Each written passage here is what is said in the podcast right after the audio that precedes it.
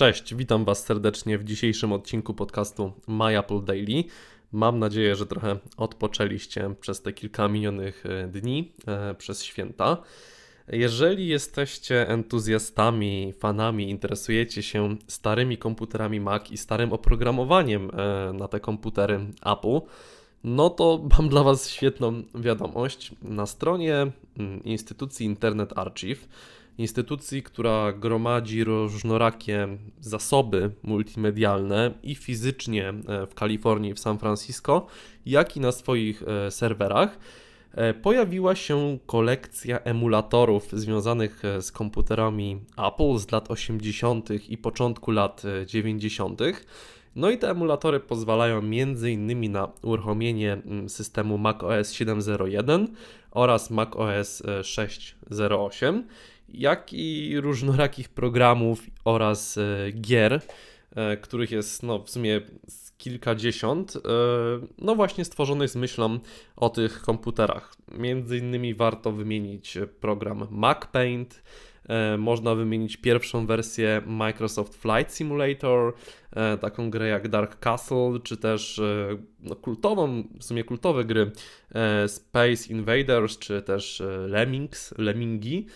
Tych różnych aplikacji i gier, przyznam, że nie wszystkie mi mówią e, coś ze swojej nazwy, jest całkiem sporo.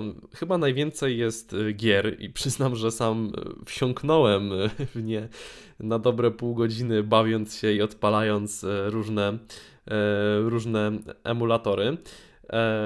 Można z tego skorzystać za darmo. Można wejść, to się dosyć szybko każdy ten emulator uruchamia, no i właśnie skorzystać albo z całego e, systemu macOS 7.01, albo też właśnie z pojedynczych e, gier czy aplikacji, które zostały odseparowane w takich e, mniejszych emulatorach, żeby no, skupić się tylko na, na danym jednym narzędziu.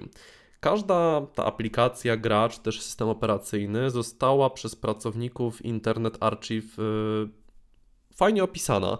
Nie są to jakieś grube i długie e, opisy, ale takie bardziej zwięzłe. Można się z nich dowiedzieć, e, w którym roku zostało wydane dane oprogramowanie, kto był jego pomysłodawcą, kto je stworzył, no bo nie mamy tutaj tylko Apple, tylko e, mamy też różnych deweloperów, jak na przykład firmę Epix, firmę Saigonis, e, czy też e, chociażby Microsoft.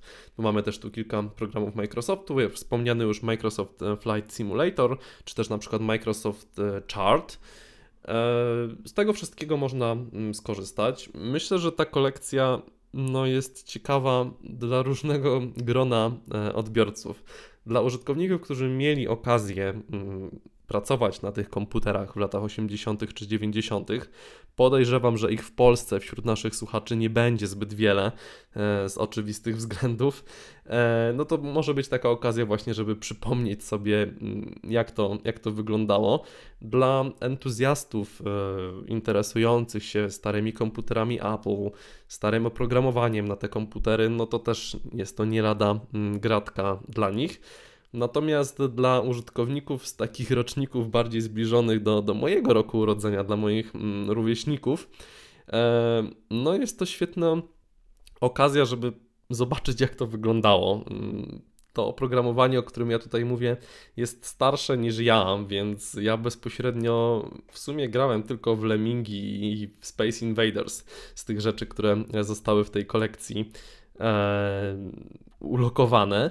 E, fajnie po prostu zobaczyć, jak przez te 20-30 lat zmieniłeś, zmienił się system macOS, e, jak zmieniła się oprawa graficzna, jak zmieniły się gry, jak zmieniły się aplikacje. Często mamy takie, no porówna, porównać można jeden do jeden. E, na przykład na przykładzie jakiejś aplikacji do pisania, czy też właśnie Mac Paint, no to widać jakiś skok przez te 20-30 lat e, został dokonany po prostu w rozwoju tego typu oprogramowania, jak i w samych e, systemach. No, po prostu na systemie e, teraz najnowszym macOS możemy odpalić sobie macOSa z końca lat 80., z początku lat 90., no i dosłownie obok siebie ustawić okna i zobaczyć, co się zmieniło, co zostało zachowane i że pewne takie hmm, kluczowe dla funkcjonowania systemu rozwiązania, e, kluczowe elementy zostały zachowane, jak chociażby ikona Findera. Koniecznie dajcie znać, co sądzicie o tej kolekcji. Ja przyznam, że kiedy ją włączyłem i tam pobawiłem się kilkoma mm, rzeczami, to jest to bardzo fajna podróż w czasie i tak fajnie po prostu sobie tego e, popróbować. Niektóre rozwiązania wydają się wręcz takie archaiczne, na przykład teraz w grach jesteśmy przyzwyczajeni, że tam mamy jakieś naciśnij spację albo kontynuować, albo sama się gra włącza. Tutaj trzeba z górnej belki na przykład w niektórych e, miejscach rozpocząć rozgrywkę.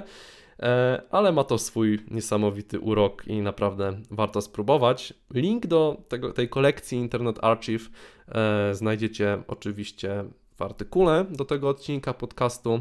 No i koniecznie jeszcze raz zachęcam Was do zostawienia komentarza, mm, czy macie jakieś swoje wspomnienia z tym. Ja przyznam, że nie mam pierwszym, miałem jako dziecko okazję pracować, pracować, mocne słowo, korzystać troszeczkę e, z Commodore 64, który był już wtedy bardzo przestarzały, gdzieś tam u mojego dziadka stał, no a potem e, z Windowsa 9.5 i 9.8 to są dla mnie takie oprogramowanie z dzieciństwa, więc też przeskok między tym a tym, co tutaj widzę, jest również spory.